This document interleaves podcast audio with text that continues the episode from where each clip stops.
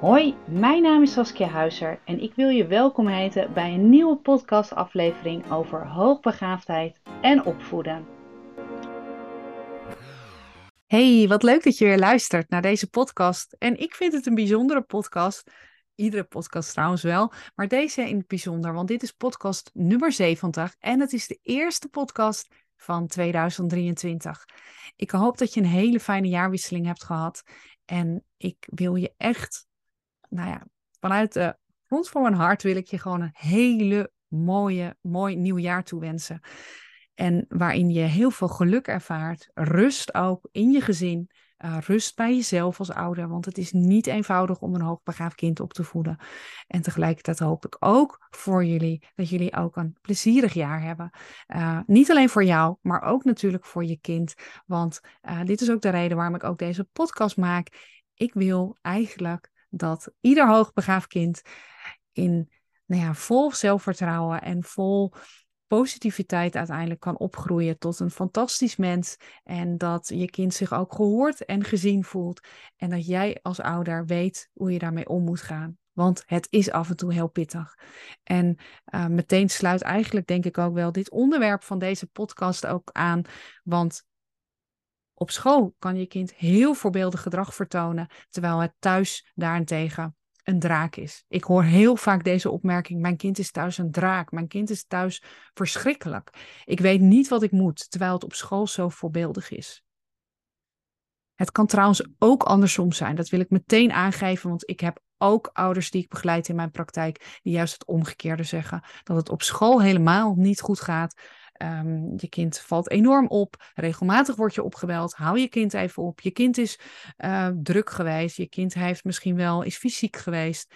En terwijl op thuis dat je denkt: ik herken dit echt niet. Ik kan dit gewoon niet herkennen, want mijn kind is heel lief en rustig.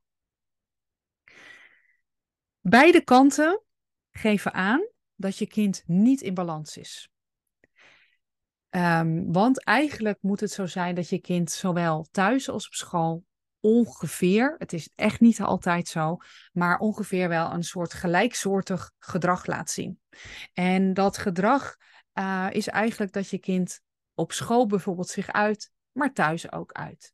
Uh, dat je kind op school plezier heeft en thuis ook plezier heeft en ook regelmatig lacht.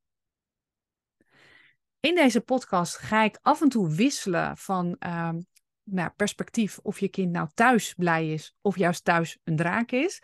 Uh, ik zal iets vaker zal ik vanuit de positie spreken dat je kind thuis een draak is en op school heel voorbeeldig, omdat ik wel merk in mijn praktijk dat dat wel het meest voorkomende is. En um, ik denk dat je daar als meest ook als ouder herkent. Maar voor de ouders, als jij nu luistert en denkt: nee, het is bij mij andersom, dan denk ik dat je heel goed kunt voorstellen hoe het ook precies omgekeerd kan zijn. En de tips die ik geef, die zijn uiteraard ook voor de ouder die thuis juist een voorbeeldig kind heeft en op school juist dat het heel anders wordt ervaren door de leerkracht of de docent. In beide gevallen is het zo dat je kind niet in balans is. En die balans wil je natuurlijk wel hebben. En hoe komt het nou? Nou, als je heel erg vanuit het perspectief uh, school een lievertje, om het zo maar even te omschrijven, denkt, dan uh, merk ik dat kinderen heel vaak voor een leerkracht, ja, eigenlijk niet willen aangeven dat ze bijvoorbeeld heel veel herhaling ervaren, uh, dat ze het makkelijk vinden, of dat ze juist heel bang zijn om bepaalde opdrachten bijvoorbeeld verrijkingsopdrachten, omdat ze die dan uiteindelijk hebben gekregen, omdat er bijvoorbeeld een IQ-onderzoek of een ander onderzoek is geweest, waardoor naar voren kwam van nou, dit jongetje of meisje heeft echt meer ondersteuning nodig. En als je kind dan op school dat gaat maken en niet weet hoe je zoon of dochter dit moet maken, dan zie je kinderen juist die bijvoorbeeld heel angstig worden die laten zich eigenlijk niet zien. Die um, uh, geven ook niet aan wat ze nodig hebben. Of die vragen misschien wel niet om hulp ook, omdat ze dat zien als zijnde bijvoorbeeld falen. Alleen, dat neemt niet weg, en dat is voor jou, mocht jij luisteren en je bent leerkracht of intern begeleider of een andere onderwijsprofessional, dat is niet fijn. Dat is niet gemakkelijk ook. Want het kind wil eigenlijk jouw ergens zeg maar niet kwetsen. En daardoor geeft een kind dan bijvoorbeeld niet aan van dat het iets anders zou willen. Alleen thuis wil het zich wel uiten. Want het heeft misschien de hele dag ervaren op school ik irriteer me. Ik, ik kan het niet. Oh, weer herhaling. Ik word er gek van van die herhaling. Of ik vind het vervelend om weer pluswerk te moeten doen, want ik begrijp er niks van. Of ik moet extra werk doen. Want het gebeurt nog steeds heel vaak dat slimme kinderen naast hun eerst normale werk, wat bijvoorbeeld op de weektaak staat, ook daarbovenop dan nog een keer het pluswerk moeten doen en eigenlijk gewoon heel veel extra werk hebben in plaats van dat er iets geschrapt is of gecompact is. Thuis kan je kind zich dan dus als draak gaan uh, gedragen, omdat eigenlijk de frustratie eruit komt. De frustratie misschien wel van, hè, waarom uh, krijg ik zoveel werk? Waarom begrijp ik het niet? Waarom ben ik zo dom? Dat kwam ook in mijn podcast van vorige week naar voren. Waarom ja, begrijpen andere kinderen me niet? Waarom heb ik weinig vriendjes? Nou, voor alles en nog wat kan er spelen. En dan thuis, dan gaat het heel druk doen, brutaal doen, discussies. Uh, maakt het ruzie met broertjes of zusjes.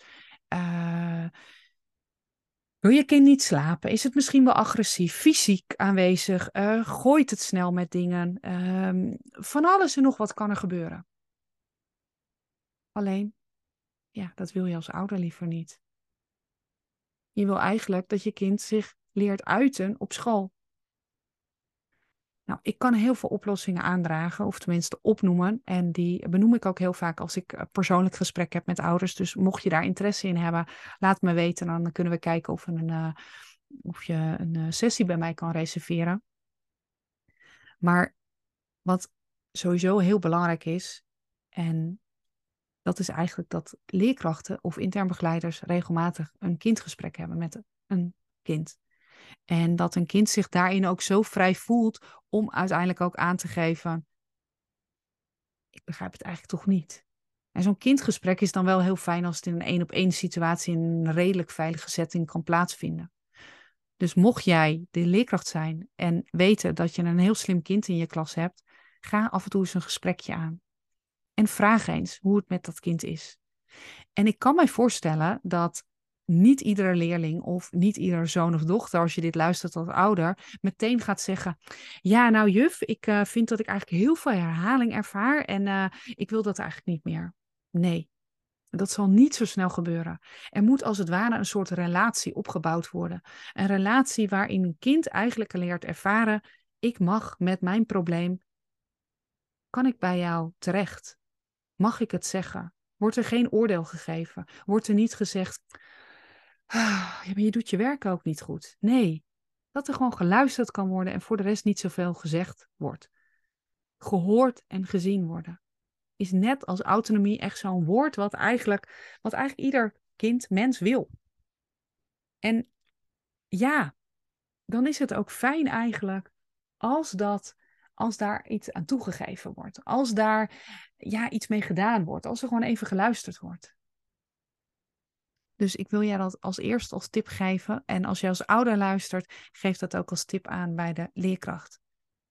Even een gesprekje. Soms kan het ook zijn over een hobby of over wat ga je dit weekend doen of wat heb je net gedaan. Maakt, het maakt niet uit. Het is gewoon heel even fijn om dat er even naar je gekeken wordt. Als je als ouder dus merkt dat het thuis het drakengedrag uh, ja, echt spuigaten uitloopt, kun je ook zelf in gesprek gaan met school. En uh, je, kan dit in, je kan dit samen met je kind doen. Je kan dit ook zeker ook bespreken met uh, je kind. Van hé, hey, ik zie dat je gewoon thuis gewoon ander, ja, je bent anders. Wat, wat is dit? Waardoor je ook met je kind zelf een gesprek kan voeren. Wat kan ik doen? Wat kan ik doen om de situatie te veranderen, te verbeteren? Want ik weet zeker, jouw kind wil dit ook niet.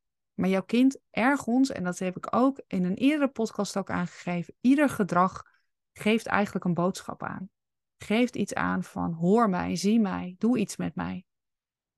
En dat kan dus ook dat drakengedrag zijn van thuis. Andersom is natuurlijk ook heel goed mogelijk. Als jouw kind op school heel erg gedrag, of eigenlijk gedrag vertoont waarvan de leerkrachten zeggen, ja, maar dit kan niet, dit mag niet, dit hoort niet. Dan is het ook heel fijn als er dan iets gebeurt om ja, in gesprek te gaan.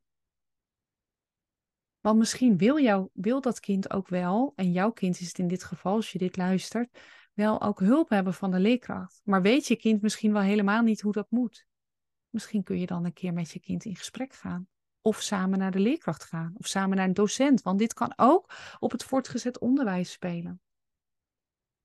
Als ik van mijn zoon hoor, die nu op het voortgezet onderwijs zit, hoor dat bepaalde kinderen eigenlijk iedere les eruit gestuurd worden en hele lage cijfers halen, dan denk ik meteen: oh, daar moet echt iets mee. Deze docent of mentor of wie dan ook moet in gesprek met dit kind en het liefst misschien nog wel samen met een ouder. Want als ouder krijg jij misschien wel terug, ja, mijn kind haalt alleen maar, alleen maar tweeën, drieën of andere onvoldoendes. En wordt er uitgestuurd en regelmatig word ik gebeld omdat mijn kind dan weer nou ja, eerder of langer op school moet blijven omdat het zo vaak eruit gestuurd is. Dan geeft een kind een signaal af. Een signaal dat het ergens niet goed gaat. En de eerste stap die jij als ouder kan nemen, en of dus thuis het drakengedrag is of op school, dan is de eerste stap die jij kunt nemen om met je kind in gesprek te gaan. En als je kind nog heel jong is, om desnoods met de leerkracht of docent in gesprek te gaan. Want er klopt iets niet. En het is heel moeilijk als leerkrachten bijvoorbeeld niet zien dat een kind misschien wel een ontwikkelingsvoorsprong heeft. Ehm, dat, dat je dat dan als ouder als het ware ook moet overnemen of moet overdragen. Dat is heel ingewikkeld. Want dan moet je bijna, de leerkracht moet je dan bijna vertellen, ja, mijn kind is wel heel slim, maar, maar ik zie het niet in de klas. Je kind maakt niet de extra uh, opdrachten bijvoorbeeld. Dan is dat heel ingewikkeld. In podcast 59 kom ik daar ook op terug waarom bijvoorbeeld kinderen dan geen extra werk krijgen. Maar dat kan wel een reden zijn waarom jouw kind niet in balans is en dus ergens thuis of op school drakengedrag vertoont. Dus het is belangrijk om in gesprek te blijven. En ik ben, uh, nou, ik heb heel lang echt in het onderwijs gewerkt. En op het moment dat een ouder bij mij kwam en aangaf: Mijn kind huilt thuis heel vaak. Mijn kind is niet happy dan nam ik altijd actie en nam ik altijd de ouders serieus. Want ik vind echt oprecht, en ik merk, ervaar het als ouder, maar dus ook heb ik dat als onderwijsprofessional altijd uh, ervaren. Jij bent als ouder, en knoop deze echt heel goed in je oren, jij bent expert van jouw kind. Niemand kent zijn of haar kind beter dan dat jij dat kan als ouder. En dat betekent ook dat jouw kind zich ook anders kan gedragen dan op een andere plek. Dat kan uit veiligheid zijn dat je kind dat gewoon prettiger vindt om toch uiteindelijk te zeggen tegen papa of mama dat iets niet goed gaat. Doe daar iets mee. Het mooiste is als je je kind mee kan nemen in dat stukje autonomie. Dat je kind, nou, desnoods in het bijzijn van jou iets kan zeggen. Maar als dat niet lukt, ga in ieder geval in gesprek. En onthoud ook dat jij de expert bent van je kind. Leerkrachten daarentegen of docenten zijn ook expert en dan op het gebied eigenlijk van, nou ja, bijvoorbeeld onderwijs geven. Neemt niet weg dat zij soms niet altijd de kennis hebben rondom hoogbegaafdheid, omdat het heel erg, ja, het is toch wel iets heel bijzonders. Uh, het is iets expliciets ook en daardoor kan het zijn dat uh, een leerkracht alsnog niet helemaal jouw kind begrijpt wat het nodig heeft. Alleen je kunt op deze manier, door op deze voet of op deze manier, um, op deze um, bewoordingen zeg maar te gebruiken, kun je wel met elkaar in gesprek gaan. Mocht je echt meer willen weten hoe je uiteindelijk op de juiste manier een gesprek met uh, school kan hebben, uh, hoe je dat op de juiste manier kan insteken zonder dat het een wel eens niet een spelletje wordt en de neuzen totaal de andere kant op gaan in plaats van dezelfde kant op gaan, dan wil ik je um, eigenlijk een tip geven. Ik heb een uh, online training gemaakt, hoogbegaafd of niet, waarin ik uiteindelijk ook bespreek. Een van de modules is hoe ga je uiteindelijk een gesprek met school houden? Hoe ga je communiceren met school? Hierin geef ik tips hoe je uiteindelijk zo'n gesprek goed kan laten verlopen. En ik zal in de show notes, dus bij deze podcast staat nog een geschreven tekst, zal ik ook de link naar deze training ook sturen. En uh, voor een klein bedrag kun je deze training ook kopen. En denk ik dat het je heel veel inzicht gaat geven hoe je dat gesprek aan kan gaan. Ik hoop eigenlijk dat het ja, drakengedrag uh, sowieso er niet hoeft te zijn. Het zij op school of thuis. Ik hoop dat je kind in balans komt. En dat is ook iets waar ik komend jaar, uh, en dit was natuurlijk de eerste podcast van 2023, maar waar ik heel veel aandacht aan ga besteden. Let op de signalen van je kind. Let op je eigen signalen ook die je zelf opneemt. Bijvoorbeeld meer buikpijn of meer huilen. Het zijn signalen dat je kind niet in balans is. En dan is het de vraag, waar zit dan zeg maar, waardoor raakt je kind uit balans?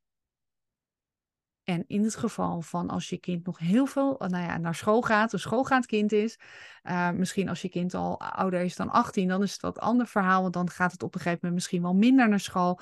Maar is het heel belangrijk ook om daar naar te kijken. Het geldt trouwens net zo goed ook voor de peuterspeelzaal. Als jouw kind nog heel jong is, geldt dit ook voor. Het kan zijn dat het niet fijn in de groep zit. Het kan zijn dat het niet wordt begrepen of gehoord of gezien door een peuterleidster of kinderopvangleidster of leider. Doe er iets mee. Jij bent expert van je kind. Onthoud dat.